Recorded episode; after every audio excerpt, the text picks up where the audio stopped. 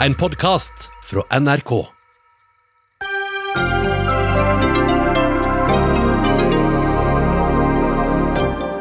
Hos Aleris er det kort ventetid hvis du betaler helsetjenester av egen lomme. Skal det offentlige betale, må du stille deg i kø. Vi får A- og B-pasienter, frykter Arbeiderpartiet.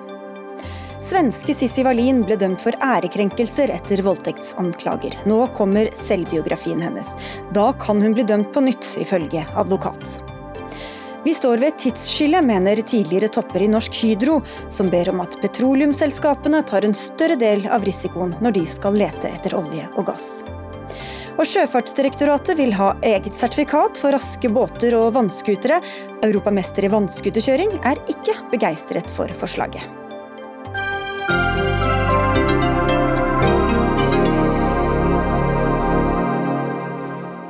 Vel møtt i Dagsnytt 18, hvor vi også etter hvert skal få inn to redaktører som krangler om joikakaker og krenkelser. Jeg heter Sigrid Solund. Bestiller du time på privatklinikken Aleris, må du krysse av på et skjema. Da kan du velge mellom å krysse av for at det offentlige betaler, og dermed måtte forholde deg til offentlige ventetider, eller at du selv betaler og får kort ventetid. Det samme gjelder andre private tjenester. Og dette systemet reagerer du på, Tellef Mørland, du er stortingsrepresentant for Arbeiderpartiet, og du har opplevd å få dette spørsmålet selv også? Ja, For Arbeiderpartiet er det viktig å bekjempe klasseskiller, og særlig gjelder jo det innenfor noe så viktig som i helsevesenet vårt.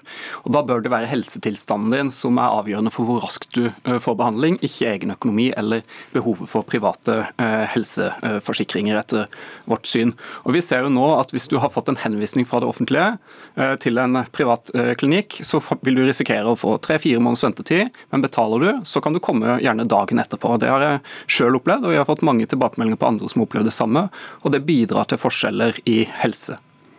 Hvorfor er det sånn, Anita Tunhold, du er administrerende direktør i Aleris? Først har jeg lyst til å si at um, Vi i Aleris vi tror på et sterkt offentlig helsetjeneste. Vi er, uh, vi er en, en, liten og fleksibel, lite og fleksibelt supplement som gjerne kan snu oss rundt og bidra der det trengs. Når det gjelder akkurat dette med å holde av plasser til de som kan betale, så mener jeg det er en misforståelse. Det er tvert imot sånn at vi holder av plasser til de som er offentlige pasienter.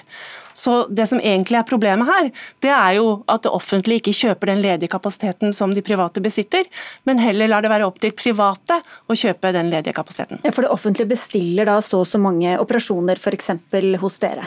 Det er riktig. De offentlige kjøper inn et visst antall undersøkelser eller inngrep hos oss eh, som vi er forpliktet til i henhold til de avtalene vi har, og fordele likt utover kalenderåret.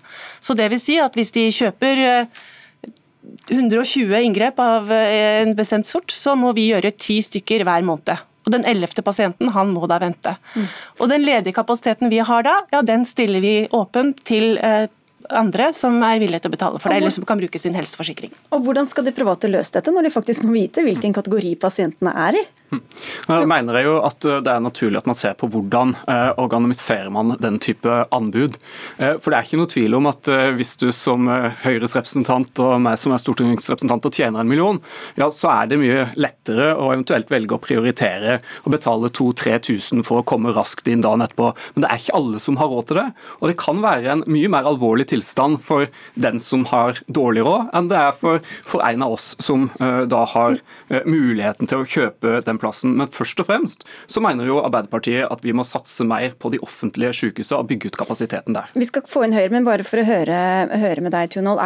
Opplever dere at mange pasienter blir fortvila fordi at de kanskje ikke har råd til å kjøpe seg inn i den korte ventelista, og heller må stå og vente i flere måneder? Det vi først og fremst opplever akkurat nå, øh, der det er lange behandlingskøer etter koronapandemien, er at folk er villige til å betale selv for egen helse. Alle har og, ikke råd til det? Men det er mange som gjør det, og vi opplever at det er folk fra hele landet, i, fra alle mulige yrkesgrupper, og, eh, som betaler. Mm. Mari Holm Lønseth, stortingspolitiker for Høyre, du sitter også i helse- og omsorgskomiteen. Hvor er logikken i at legene på det samme stedet gjør de samme inngrepene eller samme undersøkelsene, men hvor noen må vente lenge, og andre kan kjøpe seg fram i køen? Det her handler jo om at du som pasient, uavhengig av om du skal gå, altså uavhengig av om du får hjelp av det private eller det offentlige, også skal få den hjelpa du trenger, uten at du må betale for det sjøl. For meg handler ikke det om man får hjelp på et privat sykehus eller et offentlighet. Det handler om at man skal få den hjelpa man trenger. Når Arbeiderpartiet nå også da eh, tar til orde for å kritisere det her systemet, så mener jeg også at de er nødt til å avklare en del ting. Enten så må de jo da forby at f.eks. For Aleris her benytter seg av den overskuddskapasiteten de har, eller så må de kjøpe enda flere tjenester fra det private for at dette skal gå opp. Men Det skal de få avklare, men bare først for at du kan få avklare. Synes du det er et godt system når noen kan ta seg råd, eller har råd, til å kjøpe inngrep eller undersøkelse med en gang, mens andre ikke har det. Jeg mener at En av de viktigste tingene som Høyre har gjort i regjering for å sørge for å få behandlingstida ja, ned Kan du ikke, først svare på spørsmålet?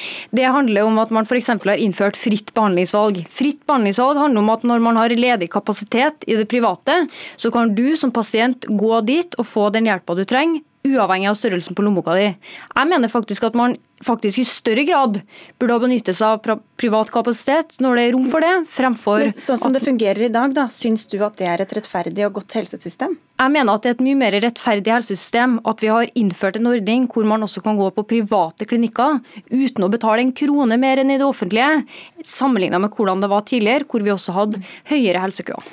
For Mørland, mener du da at det offentlige ikke skal kjøpe tjenester fra det private? For det første så har Arbeiderpartiet hvert år i denne perioden lagt inn halvannen milliard mer til de offentlige ja, men Kanskje folk kan svare på spørsmålene, så blir det lettere ja, vi, å lede debatten. Vi kommer til det, men sånn er, ja. sånn er politikken at det av og til tar ta litt tid. Jeg mener at når man først gjennom det offentlige sier at vi har ikke eh, kapasitet til å behandle alle, gjør en avtale med private klinikker, så må man sørge for at det er ikke økonomien, lommeboka til folk, som avgjør hvor raskt du får den hjelpa. Hva betyr det, da? Når du da først bestiller, skal du ha et, skal du ha et ubegrensa antall? At det bare er er eh, etterspørselen som bestemmer hva slags tilbud de skal få? Altså for det første så mener jeg at flest mulig eh, bør kunne få behandling i offentlige. Når ikke det er mulig, så er det sånn, altså For mitt eksempel da, så hadde jeg en ventetid på ca. tre måneder. Så lenge du ikke dør mens du venter, eller blir frisk mens du venter, så har du det samme behovet uansett om du da får hjelp av en dag etterpå eller tre måneder. Ja, men etterpå. Svar på da det jeg lurer på. Altså, ja. Dersom det skal være sånn at du får det samme tilbudet uansett hva lommeboka inneholder, betyr det da at det bare er etterspørsel? Altså Så lenge det finnes mennesker som, som trenger hjelp, og det finnes leger som kan tilby det, så skal det, bare, så, så skal det tilbys uavhengig av hva det offentlige har bestilt på forhånd eller ikke? Når det offentlige har sagt at du trenger f.eks. en undersøkelse, men samtidig sagt at vi har ikke god nok kapasitet i våre sykehus og henvist det til en privatklinikk, så mener jeg at Høyre burde òg følge opp med å si at du skal ikke bare få hjelpa du trenger, men du skal òg få hjelpa når du trenger den, sjøl om du blir henvist til private. I dag så er det avgjørende om du sjøl kan eller er villig til å betale for å få den hjelpa raskt. Og Hvis du skal til en undersøkelse der du kan for være redd for at du har, har en svulst eller kreft, ja, så kan den tida være, være, avgjørende.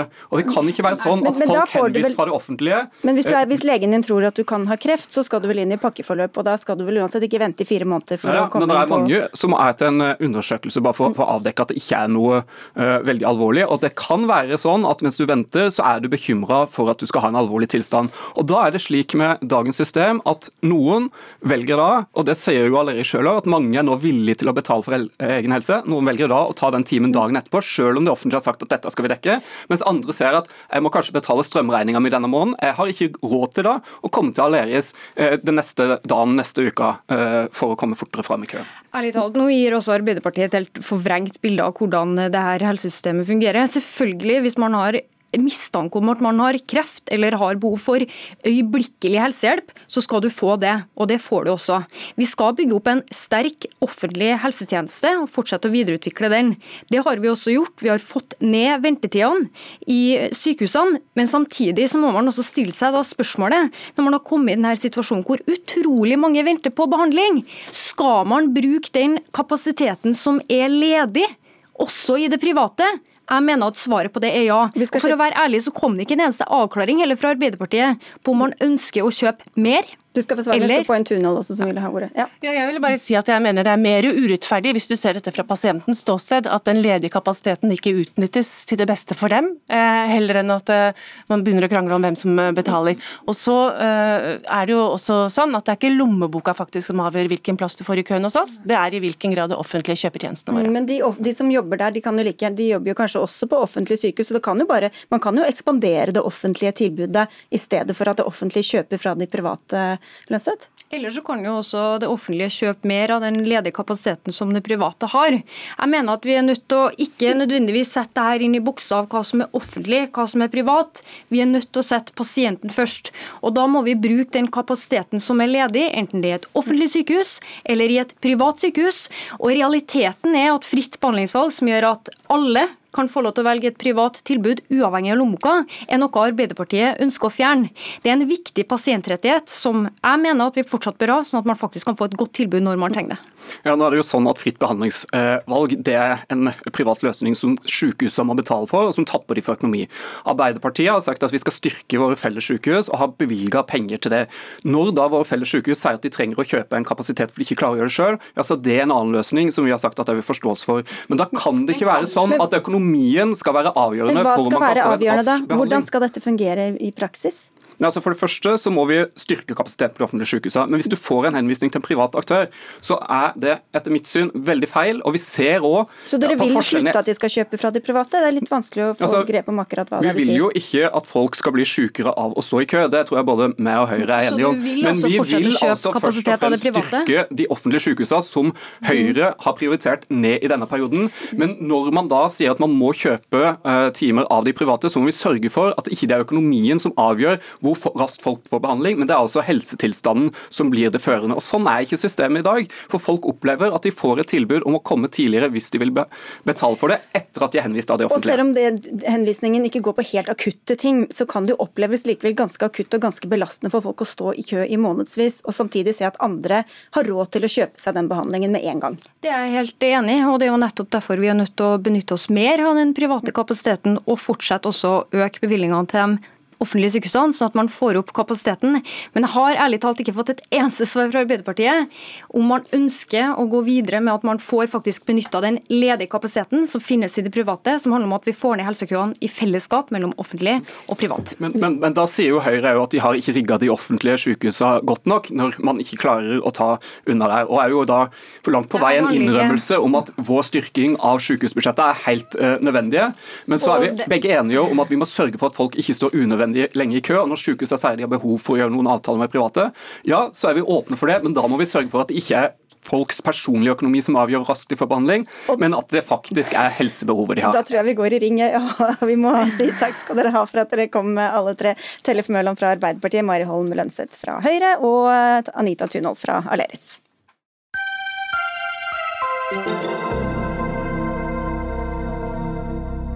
Den svenske medieprofilen Sissi Wallin er igjen i medienes søkelys, i Sverige og i Norge. For til høsten kommer hun med en ny selvbiografi, hvor hun tar opp igjen anklagene mot en kulturprofil som hun mener at voldtok henne tilbake i 2006. Noen år etter den angivelige voldtekten anmeldte hun ham til politiet, men saken ble henlagt. Flere år senere, i 2017, skrev hun på sin egen Instagram-profil at den angivelige voldtektsmannen var den profilerte journalisten Fredrik Virtan. For dette ble hun dømt for grov ærekrenkelse, men har anket saken. Og nå tar du altså historien over i bokform, Sissi Wallin, medieprofil og aktivist, og hvorfor gjør du det? Hej, hör ni mig bra måste jag börja, ja, börja med att fråga. På länk från Sverige, hej hej. Jo, jag eh, har valt att skriva den här boken för att den forteller förtäller den större historien, den större bilden. Det handlar inte bara om den här eh, våldtäkten som hände mig som en ung kvinna, ung tjej i Sverige, utan det handlar om tystnadskulturen, det handlar om eh, maktmissbruk och också vad som ofta händer med kvinnor som blir utsatta för den här typen av brott. Alltså hur det här traumat borrar sig in i en människa och hur det påverkar hela ens liv på olika sätt. Så det känns som en viktig, ett viktigt statement in i, i ett större perspektiv. Men, men det, En del av denne historien handler jo om det som jeg var inne på innledningsvis. og Når du da mm. allerede er dømt for grov ærekrenkelse, hvorfor uh, er det greit å, også skrive om dette i bokform, mener du? Jeg mener at i min aktivism så inngår jo eh, Jeg kriger veldig mye for ytrendefrihet, og at også kvinnor som har vært med om sexuella overgrep eller annet form av mäns våld mot kvinnor som er utrolig vanlig globalt eh, har rätt att berätta sin egen historie. har rätt att eh, förklara hur man har känt kring det som har hänt och, og även använda sin egen eh, berättelse som, som ett verktyg för den här opinionsbildningen kring det här väldigt stora problemet. Høyesterettsadvokat Karl Bore, bli med oss videre, Valin. Vi skal få inn en her i studio. Mm. Bore, du er ekspert på ytringsfrihet og ærekrenkelser. Kan hun forvente å bli dømt også for boken i Sverige? Ja, altså Forutsatt at uh, dommen i Sverige er uh, riktig, så skal hun også bli dømt for dette i Norge. For vi har i prinsippet de, de samme grensene uh, for lovlige ytringer i begge land, gitt at begge land er med i den europeiske menneskerettskonvensjonen, som er det som styrer den grensen i dag. Men her er det vel slik at hun anonymiserer, hun nevner ikke navn i denne historien. Løser det problemet? Absolutt ikke. Er, eh, han er likevel klart gjenkjennelig, eh, og det er allerede debattert eh, rundt hans rolle i en sånn bok. så det å fjerne et navn er ikke frifinnelsesgrunn, gitt at personen likevel er gjenkjennbar. og Det er han helt klart her. og Det har også Høyesterett slått fast i en sak i 2014 som vi selv prosederte. Ja, hva hjelper det å anonymisere nå, Valin, når alle vet hvem det er du snakker om? I, mitt val att anonymisera honom i boken handlar ju inte egentligen om att skydda mig själv juridiskt jättemycket, för jag, där har eh, advokaten Karl Bore rätt i, i sak. Utan det handlar ju om att jag vill att den här boken ska handla om den större bilden och inte handla om någon vendetta mellan två människor. Ehm, men jag står ju fast vid, jag tycker att alla brottsoffer har rätt att berätta sin egen historia, man har ska rätt att berätta vem man har anmält. Och det är ju en aktivistisk ställningstagande från min sida. Men jeg tror boken mår best av att inte namedroppa massa. Men hvordan skal han kunne forsvare seg mot de anklagene som kommer fram i boken då? Ja, för det första har han ju skrivit en egen bok eh, som kom ut förra våren, även i Norge, eh, där han anklagar mig för en rad olika saker. Så i, i yttrandefrihetens namn så tycker jag ju att eh, ja, då får ju människor läsa den boken om man vill och så får man läsa min bok och så får man bilda sin egen uppfattning. Och framförallt när det handlar om offentliga personer så ska man räkna med eh, att också bli granskad och att om man, om man besitter makt så måste man också räkna med att om man missbrukar den makten så kan man bli ifrågasatt. Det er Memo forlag som skal utgi boka i Norge. De kunne ikke mm. være med her, men informasjonssjef Geir Leksov sier til oss bl.a. at de ønsker å utgi Valins bok fordi den handler om noe større enn henne og hennes historie, som vi også allerede har vært inne på. Fordi det hun opplevde har skjedd med utallige kvinner før henne, og hennes historie er derfor på mange måter universell, og vi mener at hun har rett til å fortelle den. Bore, altså, vi hører her jo at Virtanen har allerede gitt ut sin historie i bokform. Hvorfor skal ikke Valin også kunne gjøre det samme? Det er jo den, de generelle reglene vi har i Norge på, på ytringsfrihet. Altså, vi har en vid ytringsfrihet, men det er et visst restvern for eh, de som kan bli omtalt. Hvis ikke du har noe gode nok beviser for de påstandene du legger for dagen, så skal, så skal du ikke drive med aktivisme og, og manifestere disse offentlig. Eh, så der, der går grensen, liksom. Men når det er så få som blir eh, etterforsket, som, få, som blir tiltatt, som blir dømt for voldtekt, hvilken eh, makt kan kvinner eller andre ofre eh, påberope seg eh, i å på en måte få belyst disse sakene da? Eh, altså igjen, Reglene er, er, like for alle som vil ytre seg i det offentlige. Det være seg media, det være seg forfattere på sosiale medier. Du ha, kommer du med grove beskyldninger, så skal du ha solide bevis for de. Og eh, så vil jeg si at En som er blitt rammet av, eh, som måtte være rammet av voldtekt og andre sånne handlinger, har jo alltids muligheten til å kontakte offentlige myndigheter, være seg politi, helsevesen og andre, og få den type hjelp uten å være redd for eh, denne type konsekvenser, erstatningskrav og sånt. Men går du ut i det offentlige og gjør en sånn populistisk eh, aktivisme ut av det, så gjelder disse reglene. Det gjelder for, likt for alle. Vi har også vært i kontakt med Fredrik Virtanen, som takket nei til å stille, men skrev til oss at forleggeren vil bli påkrevd erstatning dersom boken inneholder samme påstander som Wallin ble dømt for av svensk domstol. Wallin, regner du med å bli dømt også for boka som kommer til høsten? Jag har valt å ikke fokusere på det. Jeg tenker mer på at jeg leste på Amnesty, Amnesty International at var tionde ung kvinne, eller var tionde kvinne i Norge har någon gång utsatts för en våldtäkt och det är ungefär 80 procent av polisanmälningarna kring det, eller utredningarna som läggs ner. Så att det här är ju ett enormt samhällsproblem som jag tycker är viktigare att belysa eh, det är viktigare än att tänka på ett eventuellt skadeståndskrav mot mig själv. Så der er mitt fokus. Men selv om ikke det er så vanlig å bli uh, feilaktig dømt for voldtekt, så kan det jo skje. Hva med alle de som uh, kan bli, bli uh, anklaget for noe, og som, hvor kvinnene ser på ditt eksempel og kanskje vil følge det? Alltså, falske anmeldinger er ekstremt uvanlig. Det er liksom en liten, liten prosent jämfört, jag tror det är ungefär 2 procent och då räknar man också, det är FBI som har de siffrorna, då räknar man också när man har polisen har rubricerat fel, så det är ännu lägre procenthalt internationellt. Det stora omfattande globala problemet är ju tvärtom. Det är ju kvinnor som utsätts och aldrig får någon upprättelse. Och jag måste bara peta in det att om man pratar om förtal och att yttrandefriheten inte ska, den ska väga lättare än det här eventuella ärekränkningen. Knausgård, er nationalskald, hans böcker, varför är inte de eh, dömda för förtal tio gånger om? Han hänger ut kvinnor, han hänger ut sin familj, han hänger ut sina barn. Så det är väldigt intressant att man pratar om det här enbart när det handlar om kvinnor som berättar om mäns eh, så å si, handlinger. Det syns jeg er verdt å ta inn Det ble i hvert fall ganske mye debatt om Knausgård også, uten at vi skal gå inn på det. og han er heller jo, det er ikke her. Men, men ikke ja. på samme sett. Ikke det her at uh, han, han hylles jo som en hjälte for at han er frispråkig, medan kvinner som beretter om de her typene av brott blir jo mye, mye mer uh, åtgångna. Vi får se hva som skjer til høsten når boka kommer. Takk skal du ha for at du var med, Sissi Wallin, og tusen takk, takk også til deg. Takk, takk til deg, Karl Bore.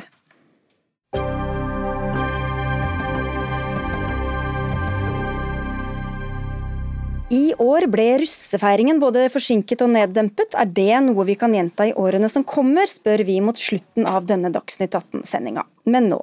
I mange år har det norske fellesskapet tjent store penger på olje- og gassbransjen. Den høye aktiviteten skyldes bl.a. at staten har tatt mye av risikoen gjennom skattesystemet for petroleumsnæringa. Men nå står vi ved et tidsskille, etter at staten er blitt mer og mer direkte involvert i olje- og gassvirksomheten gjennom skattesystemet. Det skriver du i en kronikk i Aftenposten sammen med Jørgen Andersen, som eh, han har en fortid i Olje- og energidepartementet og Norsk Hydro og Divar Biler. Du har selv bl.a. vært juridisk direktør i Norsk Hydro. Hvor tett knyttet er petroleumsvirksomheten til staten, sånn som det ser ut i dag, mener du?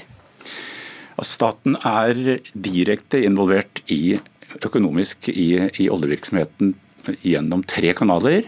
Eh, den eier eh, Petoro, som forvalter statens direkte økonomiske engasjement. Som kom til ved at en del av virksomheten som Statoil eide, ble skilt ut i det selskapet. Det er et svært selskap. Det har en oljeproduksjon som er omtrent på størrelse med Statoil. Og den, Det selskapet investerer løpende eh, og er med på nesten alle lisenser. Så har jo eh, også staten en stor eierandel i Equinor. Eh, men på toppen av det så har staten gradvis fått et større og større engasjement og en, en, en eierinteresse gjennom skattesystemet. Ja, Vi skal komme litt inn på det, fordi Du har jo en fortid som byråsjef i Finansdepartementet også. Og du var med på å legge grunnlaget for petroleumsskatteloven i 1975. Hvilke rammevilkår fikk da oljebransjen i årene som fulgte etter det? Altså, først og fremst så var jo 1975 det var rett etter store oljekrisen, hvor prisene gikk i været. Så da måtte man sette seg ned, og det ble da gjort med at eh, flere veldig kompetente eh, embetsmenn satte seg sammen og utviklet eh, en filosofi omkring hvordan staten skulle engasjere seg. Og de fikk da introdusert systemet hvor skatten ble veldig høy. Det var jo da en såkalt grunnrente som staten ønsket å ta del i. Men for det temaet som vi nå diskuterer, så var det slik at statens risiko ble veldig liten ved at eh, selskapene selv sto for hele finansieringen. Altså man eh, Oljenæringen har jo en veldig lang ledetid, flere år etter at man beslutter utbygging. Eh, og, og Det systemet da var at eh, de utgiftene som man hadde løpende, de samlet man opp og fikk starte å få fradrag for når det aktuelle feltet kom i produksjon. Mm. Så man, selskapene var avhengig av økonomien i det feltet for at de skulle få fradrag. Men det endra seg? Det endret seg gradvis. og Det er typisk nok at det er i kriser at, eh, at endringer skjer. Fordi den første store endringen når det gjelder statens risiko, skjedde i 1985 eller 1986 etter at oljeprisene var halvert. Og man skulle bygge ut Troll. Og Da fikk man et system da man skjøv disse fradragene framover i tid og startet å få fradrag. Um, med en gang, men fordelt over tid med avskrivninger. Men, men, det var da det forholdet at man fikk fradrag mot andre petroleumsinntekter. Og på den måten ble staten eh, også en deleier. Og så har vi jo, hvis vi nå ser på den utviklingen sammenlignet med, med annen utvikling. fordi at eh, Hvis vi tenker oss at eh, du og jeg, eller veldig gjerne alle vi tre, gikk sammen nå og ønsket å ha et, et, et grønt prosjekt, så, så vil vi jo sette inn våre penger. Og det vil ta lang tid. Og vi får kanskje litt støtte av noen som er interessert i prosjektet. Men, men først når det prosjektet gir lønnsomhet og inntekter, vil vi få skattefradrag. Så staten trår ikke til med verken med skattefradrag eller med direkte kontantstøtte, slik staten faktisk har gjort i oljevirksomheten, ved å refundere leteutgifter til selskaper som ikke hadde egne inntekter. Og, og, nå med den siste skattepakka så peker du på at staten tar enda større del av, av risikoen. Eh, og sier at, eh, at, vi ikke kan Eller du vil ha en debatt i hvert fall om at vi ikke kan fortsette som før. Men så lenge det har tjent oss så godt, hvorfor skal vi ikke gjøre det? Ja, det er jo det er jo klart det har blitt en større risiko knyttet til oljevirksomhet. Eh, og i Norge. Både pga. Av, eh, av funnssannsynlighet og tror jeg, større usikkerhet når det gjelder oljepriser. Man hadde oljekrise i 2015, og man har det nå. Eh, og det kan komme begrensninger knyttet til klima når det gjelder aktivitetsnivået. Så hvis man da ser at samtidig med dette, så har staten gått inn og tatt en enda eller mye større risiko enn det var etter denne skatte, en situasjonen var eh, etter den, før, før, skattepakken ble lagt på bordet. Og Det er ikke lenge siden Espen Barth Eide fra Arbeiderpartiet, første nestleder i energi- og miljøkomiteen på Stortinget. Dere var jo med på å gjøre betingelsene eh, enda mer i tråd med hva oljebransjen selv ønsket. Men er du enig i den virkelighetsbeskrivelsen vi har her? Ja, jeg mener at dette er en veldig riktig og viktig debatt å ha. fordi at Det oljeskatteregimet vi har hatt i mange år, har tjent oss vel. Eh, staten har tatt høy risiko, men samtidig har det jo vært en veldig god inntjening. fordi at man ofte fant mer olje og man har kunnet produsere nye felt. og Staten har fått enorme skatteinntekter pga. det. Så hvis vi ser historisk på dette, så har nok den utviklingen vært fornuftig for storsamfunnet Norge. Altså Det har vært eh, lønnsomt å gå inn i olje i Norge, og det har gitt store penger tilbake til staten. Men jeg er enig i at vi nå trenger å liksom senke skuldrene og tenke litt langsiktig, og se på hvordan skal vi håndtere dette på lang sikt. For nå ser vi at store europeiske oljeselskaper der ute nedskriver verdien av seg selv. Altså De sier nå at de går ut fra en lavere oljepris på lang sikt enn de tidligere gjorde. Bare på to uker så har det skjedd både med Shell og British Petroleum, og i går med det italienske Eni. Eh, og Det er stor forventning, det er store spørsmål nå er hva Equinor gjør om, om, noen, uker, om noen, uker, når de har sin neste uh, runde på dette. Uh, og Det betyr at vi, den risikoen som staten tar, blir på en måte stadig viktigere å være klar over. Uh, fordi det kan altså være at inntjeningen i olje i fremtiden ikke er så stor som den var i, i fortiden. og når og hvordan skal altså Hvor mye risiko skal vi da ha? Det mener jeg er en viktig debatt. Den pakken vi gikk for nå, det var jo et akutt tiltak for å opprettholde eh, viktige arbeidsplasser i leverandørindustrien. Det var en akutt krise pga. et voldsomt fall i oljeprisene pga. korona. Men, men det forhindrer ikke at vi nå, som det er bak oss, må ha en diskusjon, litt sånn eh, bredt i Norge og, litt kunnskapsbasert, på hvor stor risiko det er lurt å ta på lang sikt. Men, og når vi eventuelt skal gjøre endringer på, dette. Hva Kan jo få konsekvenser på lang sikt. Hvorfor gjør dere ting som du mener at ikke er lurt å gjøre på, på sikt? Altså, hovedformålet med det som skjedde nå, var at man, man, ønsket å opprettholde sannsynligheten for at det ble en del prosjekter her og nå i de, i de kommende få årene, i forhold til store utbygginger som fortsatt er planlagt, som allerede var på på planleggingsstadiet og forbi det, men som var truet av den akutte lave oljeprisen.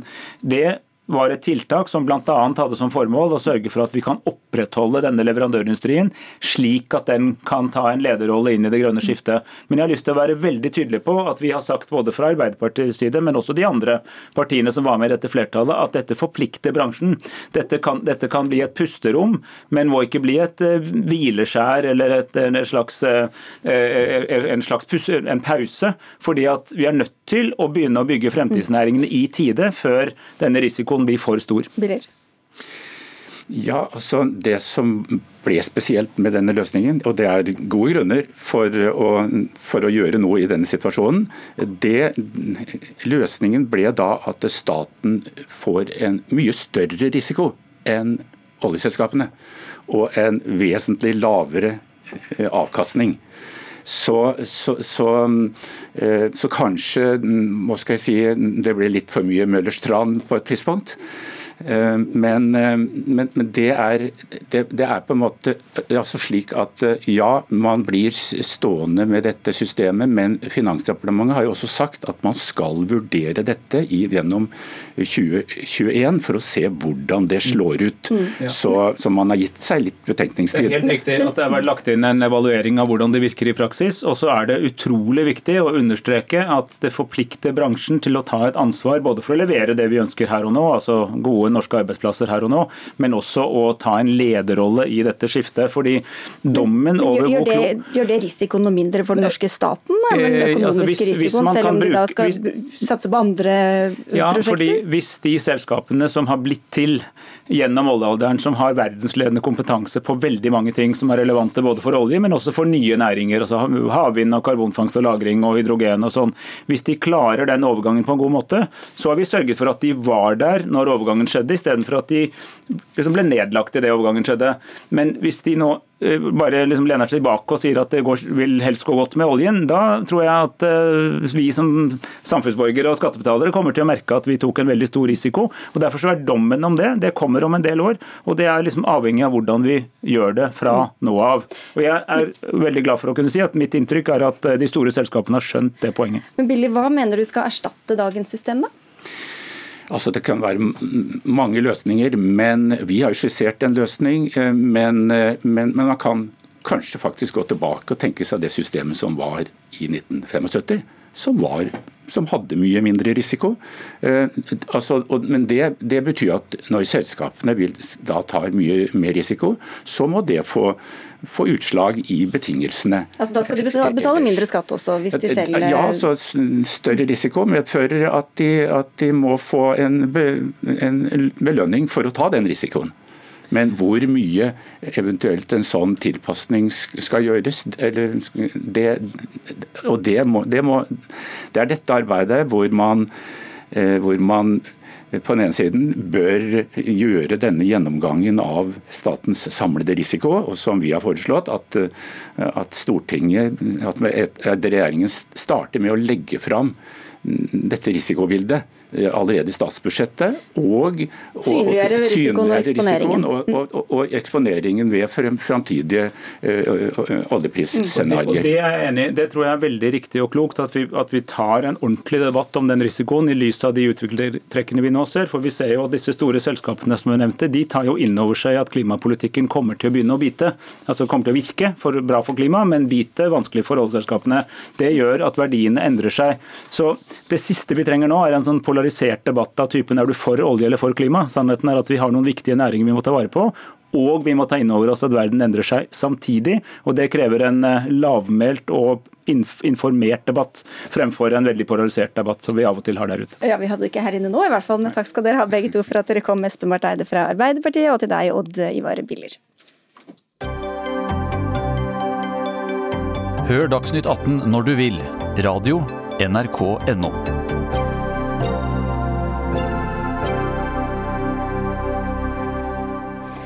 Vi er godt inne i sesongen for båter og vannskutere. Med det følger ikke bare gode opplevelser, men også ulykker. For å forebygge vil Sjøfartsdirektoratet ha et eget sertifikat for å kunne kjøre raskere båter. Aldersgrensa skal være 18 år for å få sertifikatet, og som det er i dag kan en 16-åring med båtførerbevis kjøre fritt med båter som går i 80 knop, altså nesten 150 km i timen. Men dette vil dere gjøre noe med, Alf Tore Sørheim, du er avdelings avdelingsdirektør i Sjøfartsdirektoratet, og egentlig satte dere grensa ved 35 knop, og Stortinget økte til 50 knop. Men hvorfor bør man ha sertifikat for å kjøre disse båtene, mener dere?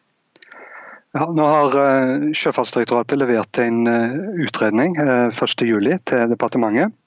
Uh, og uh, Bestillingen det var å utrede hvorvidt det var, uh, skulle innføres på 50 knop. Så Det er det vi har levert på. Men det kommer også tydelig fram i, i vår utredning at allerede fra 30 til 40 knop så begynner vi å snakke om høye hastigheter.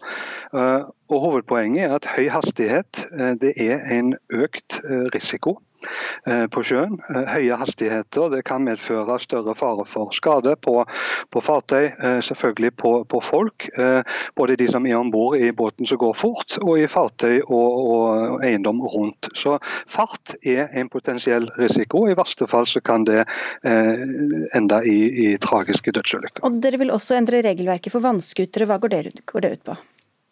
Ja, I denne utredningen så har vi òg sett på vannskuter og helheten rundt eh, fritidsfartøy. og Det vi, det vi sier i forhold til eh, mindre fritidsfartøy eh, med, med høye motorkraft og vannskuter, er at vi ønsker gjerne at en vurderer et lavere innslagspunkt. og mm. Vårt forslag er 40 knop. Europamester i vannskuterkjøring Kristine Tybring Torsk, du sier til Dagens Næringsliv at du ikke er begeistret for dette forslaget. Hvorfor er du ikke det? Jeg har vokst opp ved fjorden og kjørt pirattaxi siden jeg var 14 år. Eh, og fartet rundt og hatt havet som min bakgård. Og eh, jeg ser ikke noen grunn for, eh, for, å ha dette her. Jeg er mye på fjorden, og jeg ser mye farlige ting som foregår på fjorden. Men det er stort sett rusrelaterte ting. Eh, og folk som ikke bruker vest og ikke bruker fornuft. Men tror du ikke at hvis man tar et, et sånt eh, båtførerbevis, så, blir, så man også, blir man også ansvarliggjort på de punktene som du nevner her? Ja, jeg er jo dagligdags på fjorden, og eh, jeg ser ikke så mye farligheter med fart eller sånne ting. Og skadestatistikken er ikke så høy og ekstrem på folk mellom 16 og 18 år. Eh, så jeg ser ikke noe behov for dette her. Mm. Sørheim, hvor mange døde eller ble hardt skadd som følge av for høy fart, egentlig, viser statistikken? Statistikken eh, viser at ca. 5 eh, over en litt lengre periode eh, dør der en kan linke det direkte opp mot, mot fart. Men så vet vi òg at det er en god del mørketall her. Det er en god del statistikk som nødvendigvis ikke går på, på de som dør, men som går på skader, som går på skade på fartøy, skade på personell, uten at det nødvendigvis ender i ei dødsulykke. Og Der har vi mye høyere tall. Og selv om eh, Tybring-Torsk du sier at det er andre momenter som, som, er farligere, så skader det vel ikke å ta et sånt uh, kurs? Det er trist at man skal ha førerkort for alt mulig. Vi har jo uh, Innen ti år nå så er det jo blitt uh, påbudt med båtførerbevis for oss som er unge. også flytevest, at man skal ha det på seg. og ett sted må det stoppe, og det er, det er på tide. det er trist hvis man skal ta flere sertifikater og bruke ekstremt mye tid på det der når det er såpass lettvint å kjøre en båt. Søren? Ja, vi ser at det er eh, altfor høye dødsulykketall. Eh, og Vi ser også for halvårstallene nå i 2020 en økning sammenlignet med fjoråret. Dette bekymrer oss. Og vi har en nullvisjon i forhold til dødsulykker på fritidsflåten. Eh, vi har en handlingsplan eh, som vi skal jobbe med. Eh, og det vi ser er at Fart er et viktig moment. Det er en potensielt stor skade med det. og Kunnskap om fart kan være med og bidra til å redusere uh, ulykkene og dødsfallene. Ja, Det er ikke vært så mye skader i år på grunnet fart og hastigheter. Eh, det meste er jo ja, rusrelaterte ting, så jeg mener at folk må bruke fornuft og ikke ha for mye førerkort. Og denne aldersgrensa som dere vil øke fra 16 til 18, Sørheim, hvorfor ikke bare se på ferdigheter i stedet for å se på alder? Nå nevnte du at i utgangspunktet så kan en 16-åring med, med, et båtførerbevis nå kjøre fritidsbåter med ganske høy hastighet.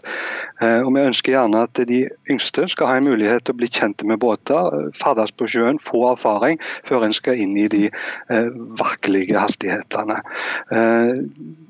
erfaring som, som, det snakkes om her, er viktig. Og, og det vi òg ser på, på, på, forskning, det er jo at eh, hvis vi kan relatere det til, til, vei, så er det aldersgrenser satt for eh, Se på f.eks. motorsykler. En lett motorsykkel eh, der det er mindre eh, fart. Der kan en allerede fra 16-årsalderen begynne å, å, kjøre det. Mens jo høyere eh, fart, jo høyere og større motorsykler, eh, jo høyere aldersgrenser. Så vi har valgt å legge oss på ei 18-årsgrense som et forslag fra vår side. Og så kan det være hyggelig å kjøre kjøre litt saktere også, da, Kristine Tybring-Torsen. Det er lov å kjøre sakte, ja. takk skal du ha for at du kom hit til Dagsnytt 18, og takk til deg, Alf Tore Sørheim.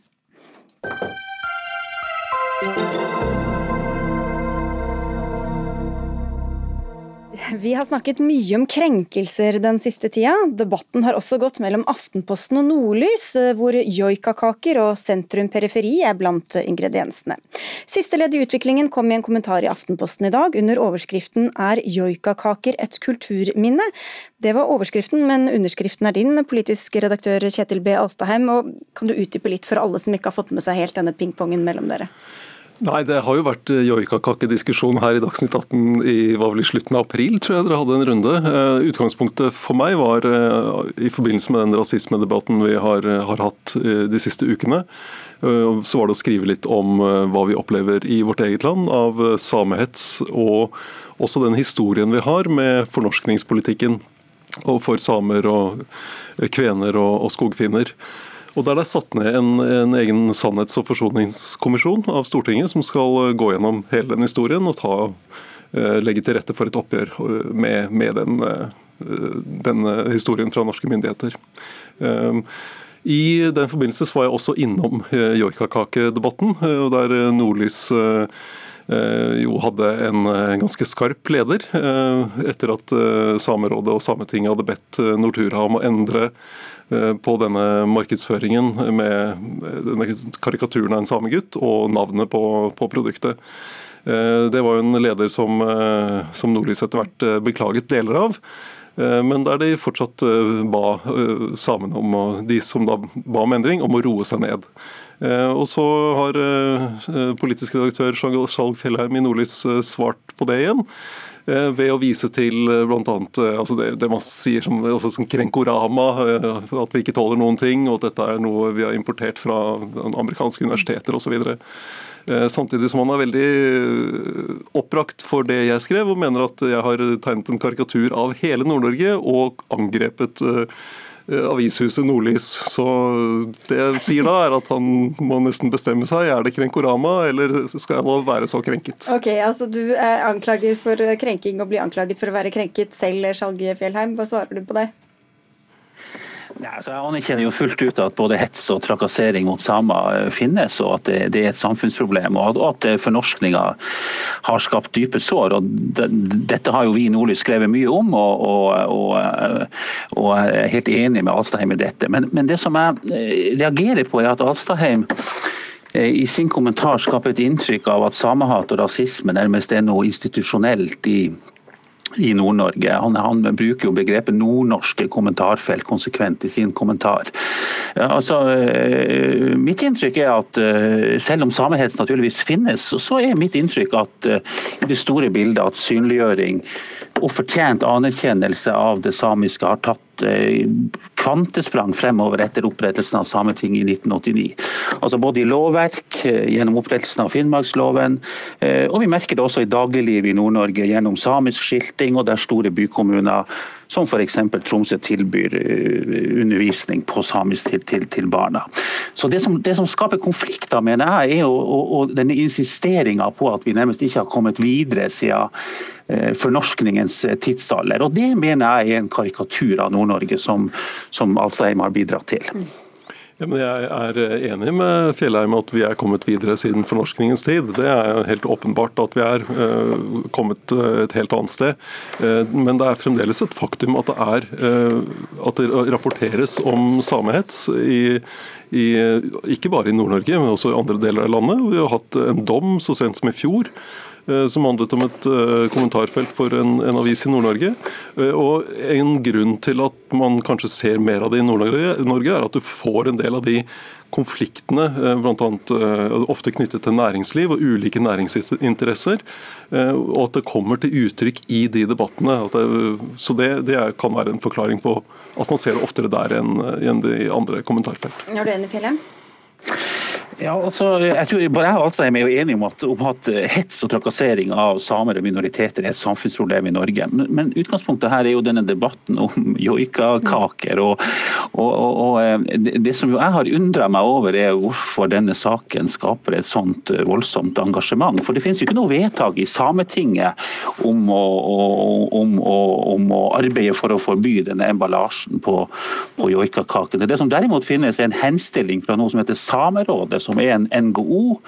Eh, og Dette ble da tatt til følge av Nortura. Men Samerådet representerer jo ikke alle samer, like lite som mange av de kulturarbeiderne og universitetsansatte som har engasjert seg i saken, representerer samene. Så det er jo ikke noe samla samisk krav. og Dessuten så er det veldig, det er veldig interessant å merke seg at de som har levd av innholdet i joikakaken, nemlig reindriftssamene, de har sagt, altså Norske reindriftssamers landsforbund har sagt at dette er helt OK, vi har ingen problemer med dette produktet. Men hvor hensiktsmessig er det egentlig å oppheve denne joikakakeboksen Alstaheim, til et slags symbol på, på samehets og trakassering? og rasisme? Det, er, det, aktuell, det, har vært en aktuell debatt nå. Eh, og jeg, eh, Det Skjalg Fjellheim gjorde i sin kommentar, var jo å peke på mer eh, lurte på altså, Tolke det inn i den, den diskusjonen du har andre steder, der man f.eks.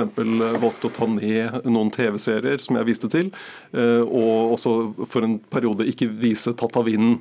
Eh, og Så lurte Skjalg Fjellheim på om jeg, jeg, mente at dette var en positiv eh, utvikling. og det, det, mener jeg at Her må man jo på en måte prøve å skille litt mellom altså, snørr og bart og, og hermetikk og kulturminner. Det er forskjell på altså En film som 'Tatt av vinden' eh, bør man jo vise. Det er en viktig del av filmhistorien. Eh, er det, er det, sånn at det er viktig å verne joikakakeboksen? Det er det jeg ikke helt skjønner, det engasjementet fra Skjalg Fjellheim. Hvorfor er, det, hvorfor er, det, så viktig å verne den karikaturen og det navnet når, når, du har samiske interesser? Det er helt åpenbart ulike syn der også, men du har samiske interesser som oppfatter dette som, som et problem og henstiller om at det endres. Er det så viktig, Fjellheim?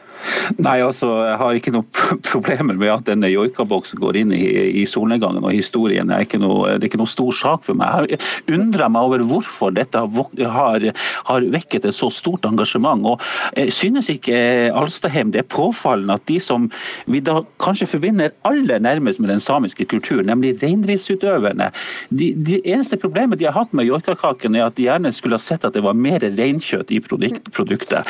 Og Det viser jo, det viser jo at, at reindriftsutøverne de har jo viktigere ting å kjempe mot, f.eks. Mm. naturinngrep som, som, jo fjerner grunnlaget for produksjon av joikaboller, vindmølleanlegg okay. osv., som jo Aftenposten og Alstaheim er for. Det har, de, det har, de, helt sikkert, men uh, når det gjelder engasjement her, så er det jo Nordlys som har hatt et veldig sterkt engasjement for å kjempe for joikakakeboksen, i en leder som var så krass at du til slutt måtte beklage den. Vi får se om det kommer nye innlegg. Takk skal dere ha for denne gang, kan vi vel si. Skjalg Fjellheim fra Nordlys og Kjetil B. Alstaheim fra Aftenposten.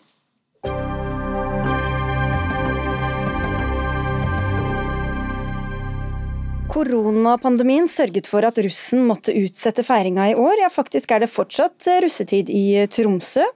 Og sein russetid bør bli en fast ordning, mener du, og ber regjeringa om å sørge for dette, rektor ved Otto Treider privategymnas Inge Johnsen. Hvorfor skal politikerne bry seg med når russen feirer? Russetiden har jo vært en utfordring for skolen i mange, mange tiår. Eh, og fra tid til annen så har det vært debatt om man skal flytte eksamen, om man skal ha russetiden før eller etter 17. mai osv. Og det som har skjedd i år, er jo at vi har hatt en ekstraordinær situasjon uh, hvor hele landet har vært stengt ned.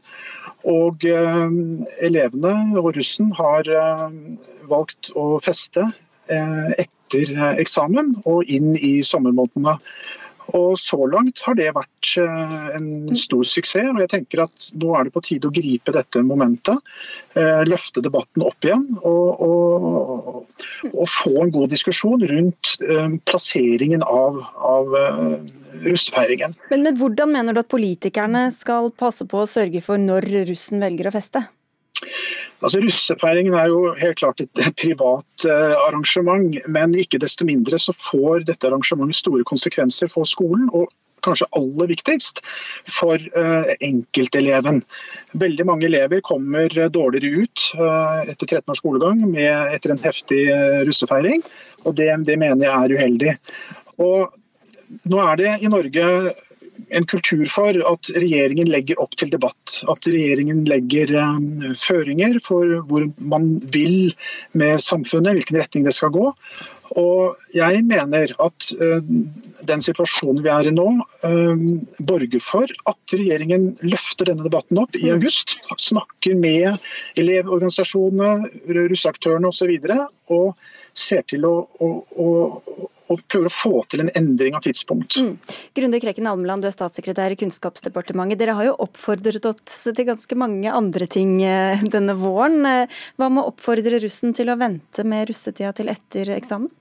Det har jo vært en spesiell, eh, spesiell, vår, og jeg tror jo at mange av de erfaringene man har fått seg og gjort seg denne våren, kan jo spille absolutt godt med når man skal gjøre en vurdering eh, senere av hvordan man skal plassere f.eks. russefeiringen. Men der er jo det viktige poenget å si at russen har jo mulighet til å gjøre dette i dag, hvis de selv vil. Dette er et privat arrangement. Russen kan velge å feire eh, etter eksamen dersom de ønsker det. Så dere vil ikke legge dere opp i dette i det hele tatt, da, eller? Altså, vi sier jo at skolen har klar forrang. Det er en prioritering med skolen i seg selv. Så eh, skolen går foran, foran, private arrangementer. Men russetiden har jo lang tradisjon i Norge. Det er en feiring som står sterk. Men jeg har jo absolutt tro på at de erfaringene man har gjort seg i vår, vil jo også kunne bidra til at man kan finne gode løsninger lokalt på hvordan feiringen gjennomføres. Jeg vet ikke om du har vært borti det, Johnsen, men det er ikke alltid at ungdommene hører etter på alt voksne sier heller. Så det hadde kanskje ikke spilt så veldig stor rolle om det kom en oppfordring fra Kunnskapsdepartementet til å vente med russefeiring russefeiringa?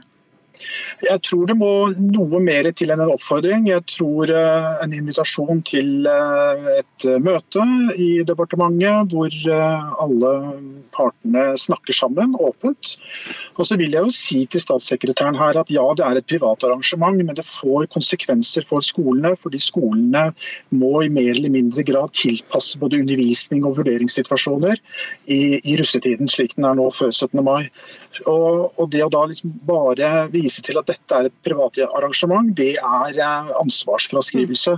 Nå har vi en gyllen mulighet til å se at denne feiringen fungerte helt utmerket etter, eh, etter skoleåret. Og Det er viktig for meg å poengtere at det at russen kunne feire etter eksamen, eh, det ville gjøre at festen og feiringen ville fått en helt annen dimensjon.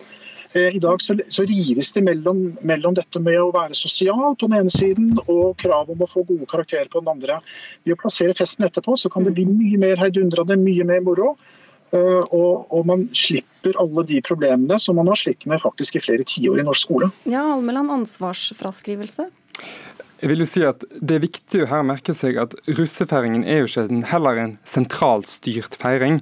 Du har lokale russestyrer rundt omkring i hele Norge. I Oslo så har du ett hovedstyre. Der jeg kommer fra i Hordaland, så har man jo ulike russestyrer på hver enkelt skole som legger opp til feiringen eh, lokalt, hvordan den skal gjennomføres. Så det er store forskjeller rundt omkring i hele Norge på hvordan man gjør russefeiringen, hvor omfattende det er, hvor mye man legger ned i det. Og det gjør det jo også eh, i større grad vanskelig å si at alle skal gjøre det på én måte, og det skal være eh, på den tiden. Du, da ga du meg en god anledning til å dra til Hamar, hvor du er Marte Hjelmeland. Du er russepresident på katedralskolen der. Hvordan stiller du deg til å flytte russetida?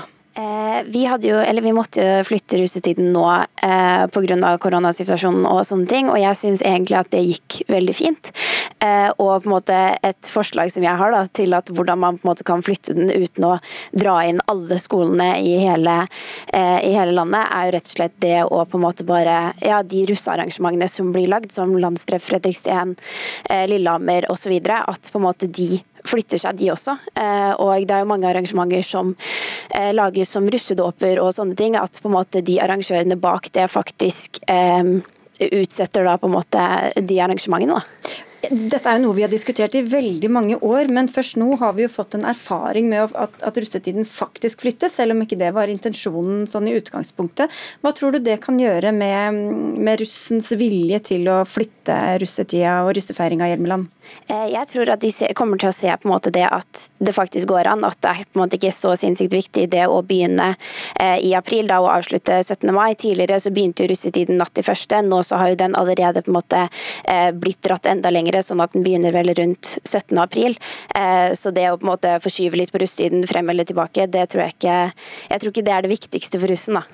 Og så, som du sier, Det er opp til russen selv. Men Johnsen, det man kan gjøre fra myndighetshold, er jo å framskynde eksamen. Eh, og dermed så følger russefeiringen mer naturlig etter. Hva sier du til det?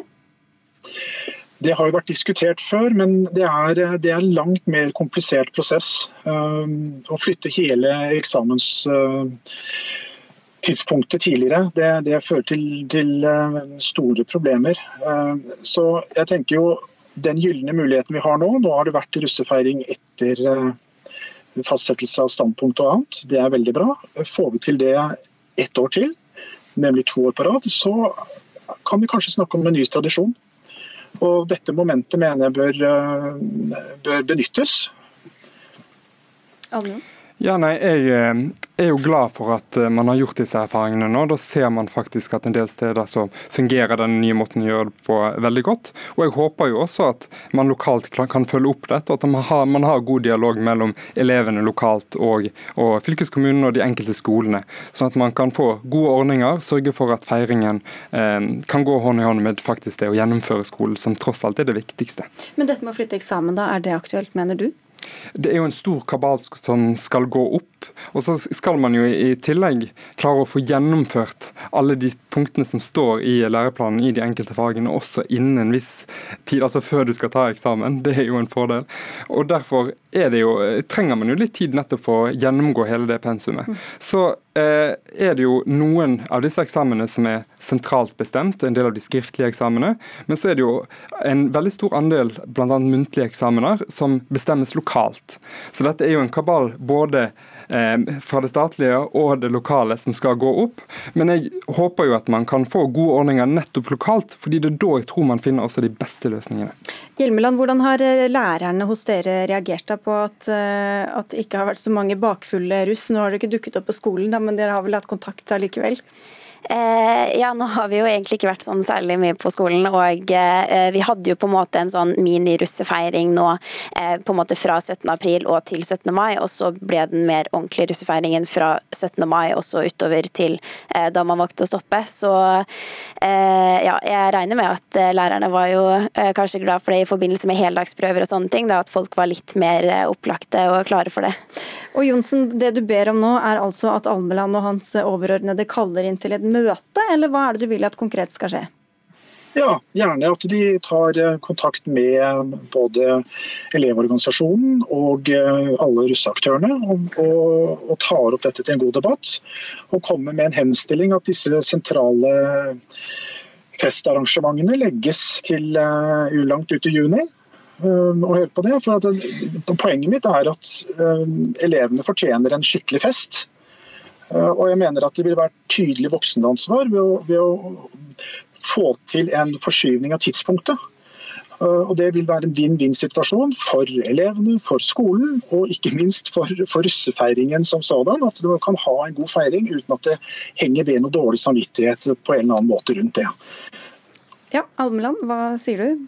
Følger dere opp? Altså, det, et, en av utfordringene her er jo nettopp at det er så mange ulike aktører. Som jeg var inne på tidligere, russefeiringen ser veldig ulik ut i Oslo, Alta eller Øystese i Hardanger, der ja, jeg er fra. Så dere skal ikke gjøre noen ting, da? Eller? Nei, men vår klare oppfordring er jo at man prøver å finne gode løsninger nettopp lokalt. Mm, men ikke noe sentralt møte eller retningslinjer? Litt av utfordringen er jo hvem er det man da skal møte med som eh, kan representere hele bredden av, av russefeiringen. Det er det som gjør det også litt utfordrende. Men vår klare henstilling er jo å si at skolen er tross alt det viktigste. Det er den som skal prioriteres. Så alle 17-åringene som hører på dette, kan bite, merke, bite seg merke det til de neste årene. Takk skal dere ha alle sammen, Marte Hjelmeland, Gundre, Grunde Almeland og Inge Johnsen. Dagsnytt 18 er over for i dag. Odd Nytrøen, Lisbeth Sellereit og jeg, Sigrid Solund, takker for oss. I morgen er det kollega Lilla Sølhusvik som tar dere imot klokka 18.